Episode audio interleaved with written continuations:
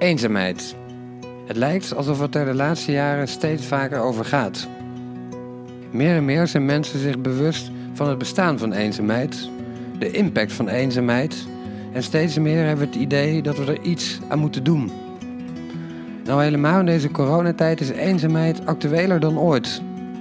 Het coronavirus kunnen wij niet stoppen. Het eenzaamheidsvirus wel. Ik ben Kees Wijstra, ik ben filosoof en altijd geïntrigeerd geweest door menselijke relaties en door eenzaamheid. Maar wat is eenzaamheid eigenlijk? Waardoor word je eenzaam? Wat doet eenzaamheid en wat helpt tegen de eenzaamheid? In deze podcastreeks ga ik op zoek naar antwoorden op deze vragen. Ik spreek academici, hulpverleners en ervaringsdeskundigen. Op zoek naar eenzaamheid.